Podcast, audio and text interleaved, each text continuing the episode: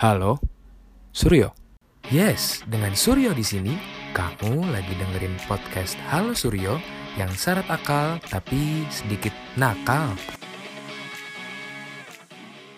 Halo semuanya, balik lagi di Halo Suryo. Uh, kangen banget gue menyapa kalian semuanya setelah sekian lama. Halo Suryo, bukan sesi Subagio ya. Halo Suryo tidak muncul ke permukaan karena ya sibuk lah intinya ya kan. So sibuk sih lebih tepatnya. Tapi jujur gue kangen banget nyapa kalian semua.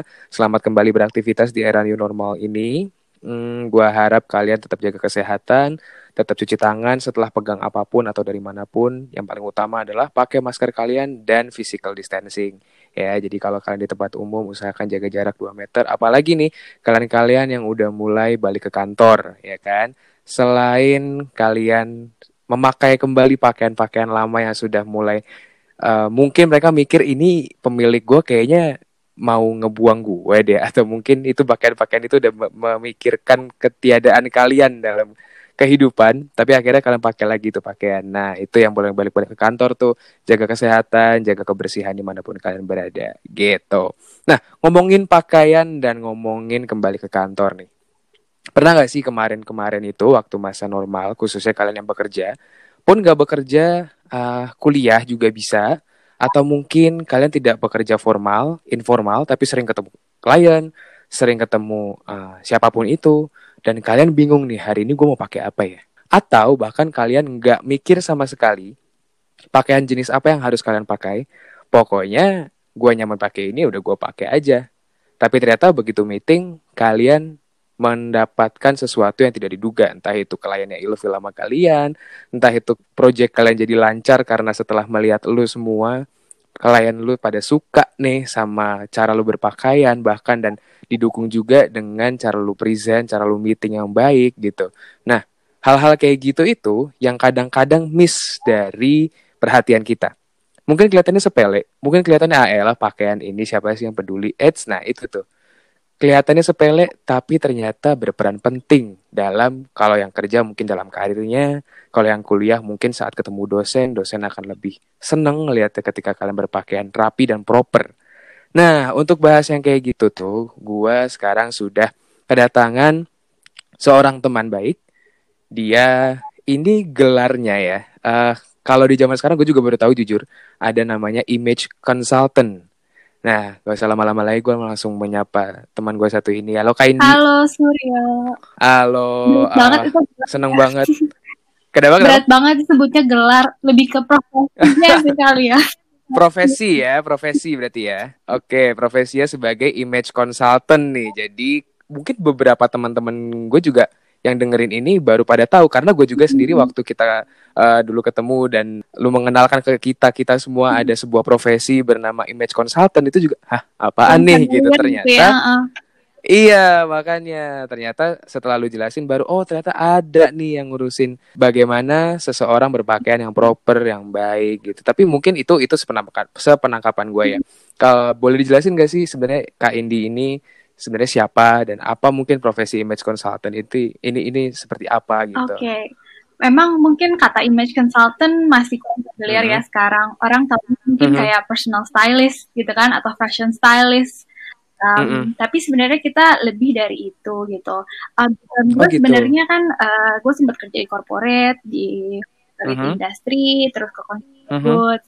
Nah ini sebenarnya keinginan uh, mimpi gue sih dari yang udah uh, dari udah lumayan lama ya baru uh, bisa diwujudkan sekarang. Basically uh, kalau sebagai image consultant pekerjaan seperti stylist kita juga melakukan itu tapi sebenarnya mm -hmm. we want to help people to build how they want to be perceived uh, dari orang lain gitu ya. Jadi okay. we, we help them to to to build their image to become the the best version of themselves gitu lah. Jadi nggak cuma dari penampilan, tapi kita membentuk uh, the whole personal image-nya dari dia. Uh, kesan apa sih yang sebenarnya dia pengen tampilkan? Dia merasa mungkin, oh pekerjaan gue di balik di belakang meja nih gitu ya, yang nggak mm-hmm. terlalu sering mm-hmm. bertemu dengan orang gitu.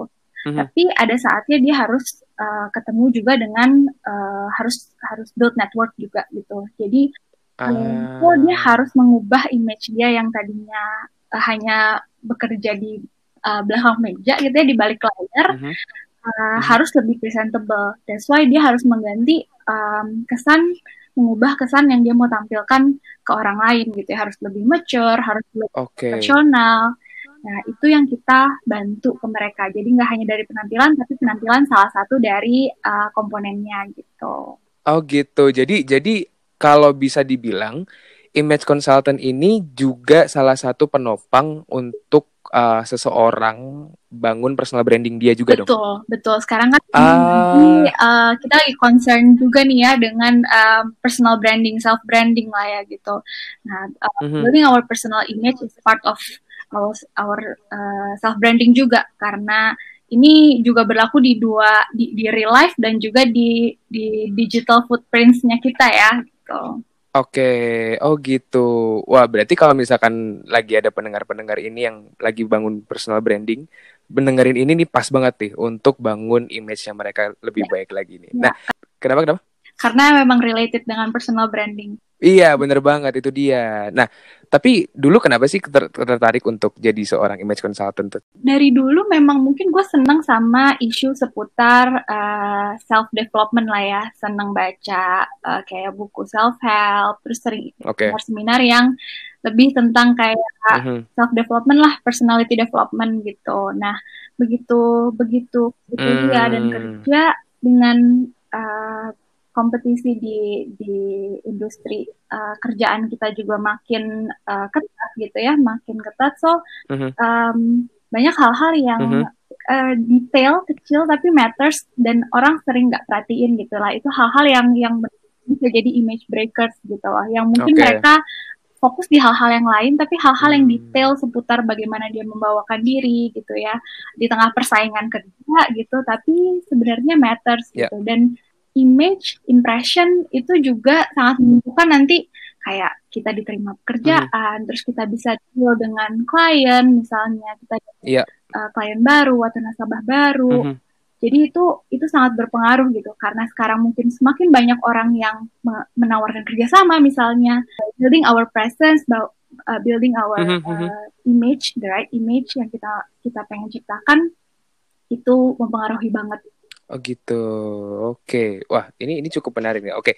Jadi kalau tadi di awal itu aku uh, pandangannya adalah image consultant itu ya, selalu dan hanya berkaitan dengan fashion dan berdandan rapi. Nah, ternyata kan gak cuman itu. Jadi mungkin gue di sini harus harus ganti istilahnya. Kalau ini semua pertanyaan gue nanti isinya cuma lebih ke dandan dan fashion dan lain-lain ya. Tapi uh, mungkin kita akan nah, generalize ya, image building aja gitu kali ya, biar biar enak gitu ya. Bagaimana berpenampilan? Karena itu juga salah satu uh, aspek yang penting kan. Iya sih, benar juga, benar juga. Oke deh, kalau gitu. Tadi kan di sebelumnya ya, di, di jawabannya sebelumnya itu juga ada ternyata uh, Kak Indi nyebut hal-hal detail seperti yang berdandan dan fashion dan lainnya itu ternyata sepele tapi matters kayak yang gue sampaikan di awal tadi. Nah, emang seberapa seberapa penting sih kayak sesimpel berpakaian rapi untuk ketemu klien okay. atau nggak usah ketemu klien deh ke kantor aja gitu. Uh, yang yang pertama kali kalau kita ketemu orang mm -hmm. tuh kan pasti first impression ya semua bilang pasti first impression tuh paling penting. Kalau misalnya kita udah failed di situ, belum tentu akan ada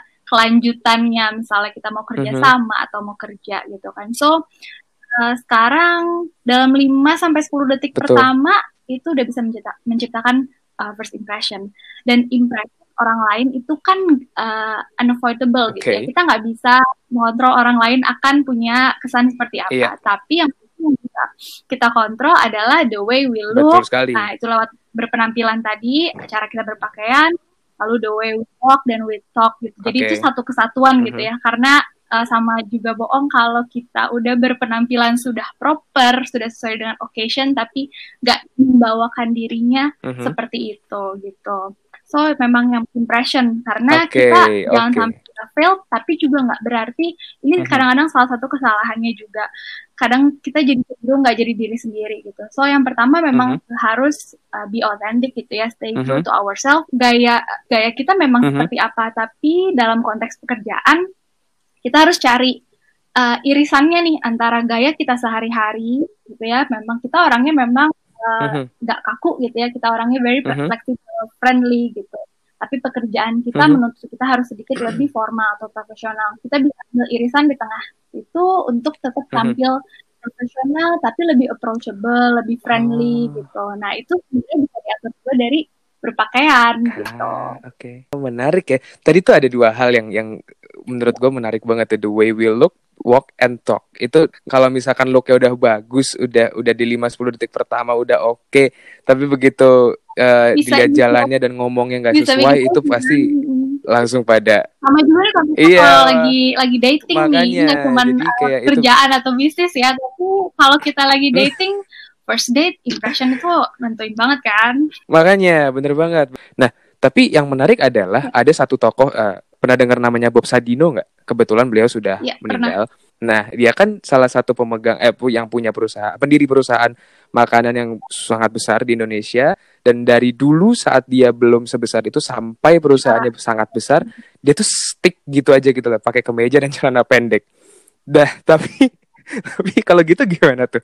Kan kayak orang-orang pasti zaman dulu dia awal-awal bangun perusahaan itu menjadi besar kan yeah. pasti kayak memang orang apaan sih? agak sedikit tricky ya karena selalu ada kontra ya karena sebenarnya gue mm-hmm. uh, gue juga uh, yeah. percaya ada quote juga yang bilang bahwa uh, dressing well is a form of uh, good manners gitu karena tetap kita nggak bisa bohong bahwa orang masih melihat hmm. juga dari penampilan gitu walaupun bukan dari satu-satunya tapi memang itu penting Betul. untuk tokoh-tokoh tertentu figur tertentu hmm. yang memang punya caranya mereka sendiri sometimes mungkin ada beberapa orang yang memang merasa mereka akan menjadi ikonik dengan dengan cara berpakaian tertentu yang mungkin menurut kita unik gitu ya. Dan sebenarnya kita bisa aja menciptakan okay. um, kesan seperti itu. Tapi untuk industri yang saat ini yang very fast pace dan uh, menuntut kita untuk uh, lebih uh, upgrade diri kita gitu. So um, I think uh, rules mm -hmm. dalam ber, berpenampilan, terus dalam etiket juga ya, maksudnya dalam bersosialisasi, mm -hmm. tetap kita harus uh, juga yeah. follow the rules juga gitu kan. Iya yeah, iya yeah, iya yeah. masuk akal. Ya paling paling enggak at least ya. Kalau uh, almarhum Bob yeah. Sarino tadi kan memang itu dia rasa ya ini aku gitu kan. Tapi kalau misalkan bagi kita yang baru mulai pelan-pelan ini seenggaknya ya uh, ikutin aja lah stream yang ada sekarang gitu ya. Kayak yang peng uh, yang pengen tetap nunjukin bahwa uh, dia adalah seorang yang humble, yang down to earth dengan tetap dan uh, very mm -hmm. casual gitu kan. Mm -hmm. Tapi kalau dalam dalam konteks tertentu gitu ya, kalau misalnya kayak sekarang contohnya uh, orang-orang uh, yang kerja di tech industry dan dana mereka pasti kan sangat casual kan, karena mm -hmm. uh, justru itu jadi uh, signature stylenya ya memang ada uh, tech company ya seperti ini gitu. Yes. Tapi di saat mereka misalnya menjadi pembicara hmm. dalam seminar atau ada di event yang uh, berskala besar yang bertemu dengan orang-orang yang memang um, occasionnya saat itu lebih formal dan uh, orang-orang uh, yang datang juga berpakaian lebih formal, berpenampilan lebih formal.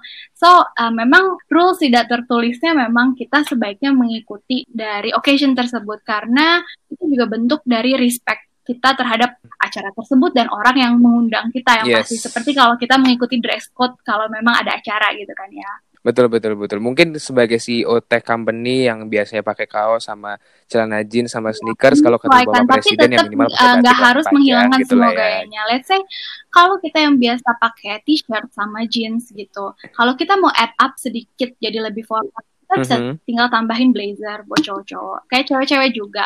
Kalau misalnya sehari-hari dan celana menambahkan aksesoris, menambahkan blazer, pokoknya menambahkan mm -hmm. 30 mm -hmm. yang uh, lebih formal itu udah menambahkan satu level lebih formal. Uh, as simple as that sih kalau kita menyesuaikan ya. ah. ya.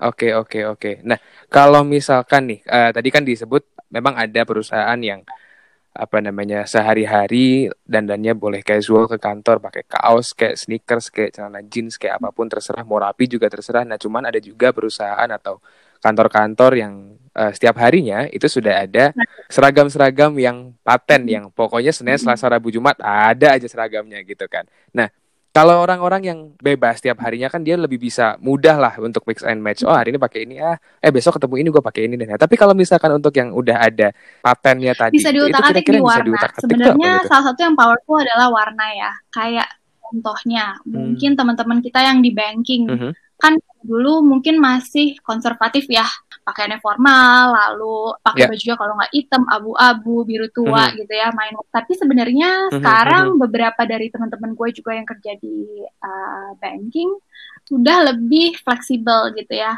tetap formal tapi mereka mengubah dress code mereka jadi smart casual gitu kemarin gue sempat juga ngobrol-ngobrol sama teman-teman di uh, industri yang formal jadi uh, yang kita bisa mainkan adalah warna jadi nggak mm -hmm. Dari yang pakai sehari-hari misalnya blazer mm. gitu ya atau cowok-cowok pakai um, pakai kemeja uh, yang rapi uh, kita bisa main di warna uh, warna itu kan punya efeknya masing-masing ya mm -hmm. bisa kan uh, kalau kita, sama kayak mood gitu bisa ngubah Betul. mood kita gitu sama juga dengan uh, kesan yang pengen ditampilkan kita bisa main di warna. Kalau misalnya kita penyuka memakai jaket gitu ya atau pakai blazer saat uh, kerja kita bisa pakai warna-warna yang netral. Warna itu semakin tua semakin menunjukkan kesan profesional mm-hmm. gitu. Dan ada warna-warna tertentu nih misalnya. Kalau interview itu paling mm-hmm. bagus sebenarnya pakai warna navy blue atau grey karena itu bisa memberikan kesan uh, mature dan trustworthy gitu. Jadi lebih stable, lebih trusted okay. itu dengan warna-warna itu. Nah, jadi kalau misalnya kita mau main di warna, kalau kita sehari-hari misalnya berdandan harus lebih formal dengan warna-warna itu. Di luar itu kita bisa ubah warnanya. Mm -hmm. Kalau kita mau terlihat lebih friendly, lebih approachable, pakailah warna yang tone-nya lebih muda atau lebih muted. Jadi kayak misalnya warna pastel coklat muda gitu ya, uh, uh, coklat muda warna kaki kayak gitu-gitu. Uh, uh, uh, Jadi bisa main di warna gitu atau kasih aksen yang kalau pengen terlihat lebih misalnya terlihat lebih youthful misalnya ini terlalu kayaknya gue kelihatannya jadi kayak lebih dewasa dari umur gue gitu. Tinggal mainin di warna. I see. Jadi sebenarnya biarpun udah ada patennya, tetap aja bisa lah ya. Uh, ada yang diutak-atik dikit-dikit. Salah satunya tadi warna yang bisa diutak-atik ya. Nah, tapi kalau uh, itu kan tadi kebanyakan yang kita omongin itu kan seolah-olah ketika dunia normal-normal aja nih ya. Sedangkan sekarang kan kondisi lagi nggak menentu ya. Uh, ada yang WFO, ada yang WFH, uh, ada yang dari kantor ya WFO tadi, dan ada yang dari rumah WFH. Nah, Sedangkan ya. berarti kan kalau kayak gitu udah nggak perlu-perlu banget ke kantor ya. Jadi ya. uh, paling enggak di rumah saja bisa pakai celana pendek, sendal jepit di depan laptop misalkan uh, dan kaosan. Nah, tapi beberapa mungkin masih ada tetap meeting dengan kliennya, ya, meeting ya. dengan siapa. Kalau misalkan kayak gitu tuh masih tetap penting gak sih untuk kita memakai, maksudnya berdandan proper gitu? tetap penting ya karena gini mau sekarang ini kan situasi -hmm. yang kita yang unexpected juga kan gitu jadi yang tiba-tiba tadinya orang mm-hmm. apalagi yang biasa ketemu sehari-hari ketemu orang terus gitu ya meeting sama klien uh, yang mm -hmm. pasti kita harus tetepin dulu kayak image seperti apa yang mau kita tampilkan gitu ya yang sesuai dengan pekerjaan kita jadi baik virtual dan tiba-tiba nanti mm -hmm. sudah bisa semuanya offline lagi nggak tiba-tiba berubah gitu jadi kayak ini gue ketemunya di virtual uh. meeting doang sih pas ternyata uh, ketemu aslinya jadi itu harus tetap konsisten gitu building our self image tuh harus tetap konsisten nah kalau sekarang kita memang ketemu orang secara virtual Betul. terutama misalnya kita bangun relasi sama orang-orang baru yang kita baru ketemunya virtual so saat kita ketemu mereka offline mm -hmm. make sure uh, we are consistent dengan apa yang kita mau tampilkan gitu kan ya jadi simple kalau misalnya sekarang mm -hmm. teman-teman lagi pada uh, lebih banyak virtual meeting, as simple as berpenampilan lebih rapi, at least dari dari bagian uh, pinggang ke atas gitu ya. Karena kita jadi cenderung mm -hmm. jadi cenderung lebih males sih memang sebenarnya dengan virtual meeting. Terus juga ada fitur untuk nggak bisa nggak kasih lihat muka kita gitu kan ya. Kalau ah lagi nggak rapih males tapi itu jadi sebenarnya yeah. bikin kita jadi cenderung lebih males jadinya kalau kita ketemu kan mau nggak mau kita put effort kan untuk uh. at least berdandan gitu why don't kita Betul. juga kasih sedikit effort untuk virtual gitu ya at least misalnya buat cewek-cewek pakailah make up yang supaya lebih jelas karena udah mhm. pasti mm -hmm. kamera di laptop kita itu kan lebih uh, lebih lebih uh, lebih bikin kita pucat pakailah iya, uh, betul, makeup betul. yang sedikit lebih uh, cerah untuk bikin kita fresh sesimpel ngerapiin rambut pakai atasan aja yes. cu cu yang lebih rapi itu udah cukup karena uh, jangan sampai hal-hal uh, hmm. yang udah virtual uh, udah udah kita meetingnya virtual tapi, tapi ada hal-hal yang masih jadi image breakers gitu misalnya kayak kalau kita meeting tapi sebaiknya juga kita cari tempat yang proper gitu ya nggak dia tempat kalau kita lagi di kamar nggak yeah. sambil di tempat tidur lah tergantung dari dari dari misalnya dari lawan bicara kita dari orang yang kita ajak berkomunikasi gitu ya so uh, pastiin juga kita sesuaiin mm -hmm. sama siapa yang uh, kita ajak jadi uh, menjadi untuk tampil tetap presentable itu tetap penting karena nanti saat kita membangun kesan in real life gitu ya off, uh, pas offline itu tetap mm -hmm. konsisten.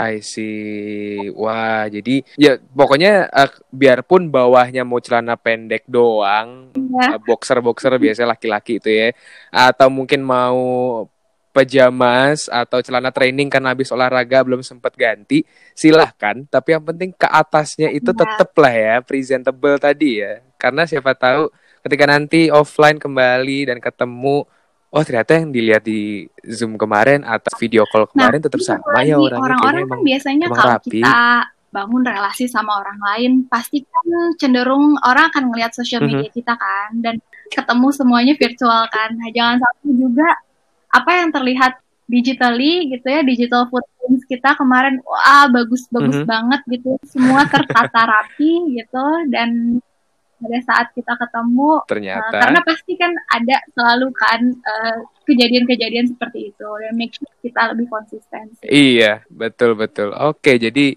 even though we are living right now in a digital era dan terpaksa sekarang ini kita untuk uh, melakukan semua serba digital tapi doesn't mean that uh, building your image atau berpakaian proper itu nggak penting. Nah, masih penting teman-teman ya.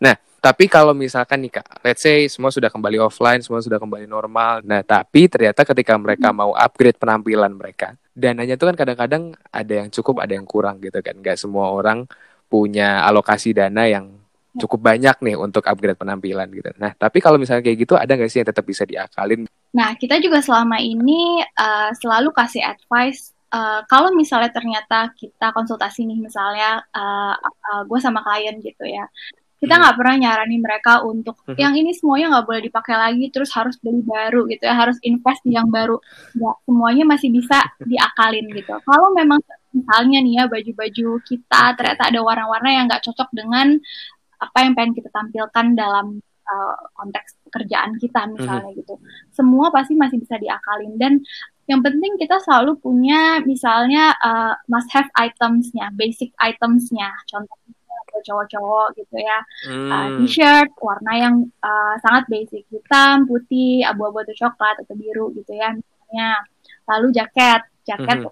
misalnya punya warna yang yang gelap, gelap karena bisa kalau gelap itu kan bisa casual hmm. karena bentuknya jaket, tapi bisa juga uh, lebih yeah. formal lebih formal misalnya cowok-cowok at least punya mhm. satu mm-hmm. set suit untuk uh, pesta gitu ya yang yang benar-benar uh, ukurannya mm-hmm. pas di badan yang benar-benar uh, karena menurut gue itu memang investment ya karena kita pasti kita akan perlu itu tapi kita nggak harus punya banyak karena tergantung dari occasionnya kita nah bisa main di third piece-nya kayak yang tadi gue mungkin pilihannya memang lebih banyak di cewek-cewek uh, dalam arti servisnya. Kalau selama ini kita hmm. pakai atasan dan bawahan dengan warna-warna yang konservatif, kita bisa uh, tukar menukar di bagian misalnya kalau cewek-cewek dengan blus atau daleman yang beda-beda warnanya, tapi uh, luarannya dia hmm. stick to jaket blazer, cardigan misalnya gitu ya. Cowok-cowok juga sebenarnya warna-warna yang basic itu udah udah udah cukup banget gitu. Makanya dari awal kita menentukan kita mau tampil seperti apa, jadi kita bisa lebih konsisten. Nah, ini kejadiannya lebih baik di cewek-cewek ya, hmm. udah punya banyak gitu ya, tapi itu cuma pakai itu-itu aja. Itu harus diri define lagi iya, sebenarnya. oh berarti sih gaya gue seperti ini gitu. Ternyata yang dipakai adalah warna-warna yang pastel gitu. Oh tandanya memang personality seperti itu yang kita pengen tampilkan, lebih calming gitu, lebih lebih mature gitu. Jadi ya memang uh, mm-hmm. kita harus netepin dulu kesan seperti apa. Jadi nextnya kalau misalnya kita ada budget juga untuk mengupgrade diri kita, kita nggak mm-hmm. beli karena oh ini cocok ini kayaknya lagi tren gitu. Nah uh, ngikutin tren itu boleh, okay. tapi kalau seandainya kita juga terutama kita yang punya budget terbatas, nggak harus ngikutin tren as long as mm-hmm. uh, kita tahu apa yang nyaman kita pakai dengan dengan ukuran yang pas di badan karena orang dulu bilang comfortable is key gitu tapi being mm-hmm. comfortable mm -hmm. aja nggak cukup karena kita bisa pakai baju yang longgar-longgar yang nggak sesuai sama size-nya kita kita bisa bilang itu comfortable tapi uh, fit is the key sih menurut gue jadi yang penting adalah kita tahu juga ukuran kita so kalau dipakai juga lebih enak dilihat dan lebih nyaman dipakai diri sendiri lebih kayak uh, untuk basic items kita boleh invest uh, dengan sedikit lebih mahal tapi berkualitas bagus dan untuk third piece-nya untuk yang buat ganti-gantinya kita bisa pilih yang uh, lebih affordable gitu sih. Hmm, oke. Okay. Jadi kalau misalkan kita memang budgetnya terbatas, mungkin ada alokasi-alokasi yang lain yang lebih penting, justru yang ada di lemari otak-atik lah, explore lah, pakai lah yang biar sesuai sama ini juga ya karakter kita juga ya. Oke, nah itu tadi sebenarnya yang uh, barusan banget disebut adalah salah mungkin salah satu jawaban dari hmm. pertanyaan terakhir dari diskusi kita. Uh, yang penting tadi apa? Uh, yang penting kita tahu ya, yang kita sukai kita ya. menampilkan seperti apa gitu ya. Seperti apa uh, orang lain. Jadi itu apakah itu termasuk kunci utama dalam membangun image kah atau enggak? Karena kan kadang-kadang tuh ada yang bingung nih baiknya uh, eh, gue berdandan gimana ya kayak uh, mungkin kalau tadi salah satu yang disebut tadi kita sukanya seperti apa oke okay lah kalau emang udah ketemu nih nah tapi kadang-kadang kan masih ada yang bingung tuh ya okay. jadi sebenarnya kuncinya sih, tuh apa uh, kalau sama klien nih ya gue biasanya tanya uh, sebutkan tiga kata mm -hmm. yang kita pengen outfit atau baju kita itu tampilkan gitu. Pengen berbicara apa sih sebenarnya dari baju kita. Nah, itu cari tahu dulu nih supaya kita tahu sekarang kita ada di posisi mana. Kalau misalnya kita sebut tiga kata itu kita kayak profesional, okay. terus mature, tapi juga edgy gitu. Kayak gue gak pengen terlalu, mm -hmm. gue harus ada profesionalnya. Tapi mm -hmm. sebenarnya gue orangnya uh, pengennya gayanya edgy gitu, biar lebih kelihatan muda lah gitu kan ya. Mm. Nah, terus kita lihat dulu sekarang diri kita di mana gitu oh ternyata gue tuh masih terlalu casual gitu nah selalu ada trik-trik untuk mhm. kayak tadi gue bilang bisa add up satu level lebih formal atau ternyata selama ini gue terlalu uh, konservatif pengen lebih tone down sedikit dan ilah warnanya kayak tadi jadi bisa satu level turunin satu level hmm. sekarang posisi kita di mana dan kita pengennya seperti apa kan dari penampilan ya nah yang penting hmm. lagi uh, untuk menunjang itu ya pasti hal-hal yang tadi gue bilang bisa jadi image breakers. Contohnya misalnya postur badan kita body language kita terus uh, senyum firm handshake gitu ya. Sama um, intinya adalah uh, presence kita gitu ya cara kita membawakan diri terus uh, presence kita bisa memberikan uh, impact di mana orang lain bisa orang lain yang berinteraksi sama kita bisa nyaman sama kita dan nyaman sama diri mereka sendiri. Ini juga aku hmm. pernah belajar sih.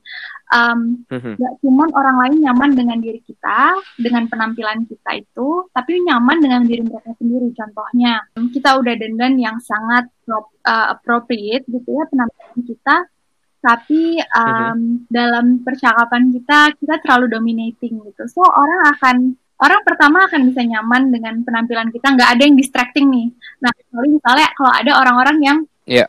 sengaja misalnya mau jadi uh, center of attention dengan memakai sesuatu uh, di mm. penampilannya yang bikin distract uh, bikin orang lain terdistract contoh kita kan orang lain pengen kenal mm -hmm. kita itu sebagai kayak inget sini nggak oh iya gitu uh, inget kita sebagai kita gitu ya dengan penampilan keseluruhan kita bukan yang kayak oh yang kemarin ke acara itu jaketnya nyilauin mata itu ya nah, itu kan jadi kadang-kadang orang tuh atau cewek misalnya oh yang kemarin di acara itu lipstiknya merah banget ya perhatianmu kan ke, ke satu nah salah satu bagian dari penampilannya dong. yang jadi kan sebenarnya yeah. harus um, balance Betul. harus uh, blend in gitu penampilan supaya yang diinget adalah kitanya. Mm -hmm. Nah sama juga kayak tadi kita penampilannya udah blend in, mm -hmm. tapi dalam dalam interaksi kita mungkin kita terlalu dominating jadi orang lain nyaman dengan penampilan kita tapi nggak nyaman dengan diri mereka sendiri karena kok agak-agak ini agak-agak mendominasi pembicaraan gitu ya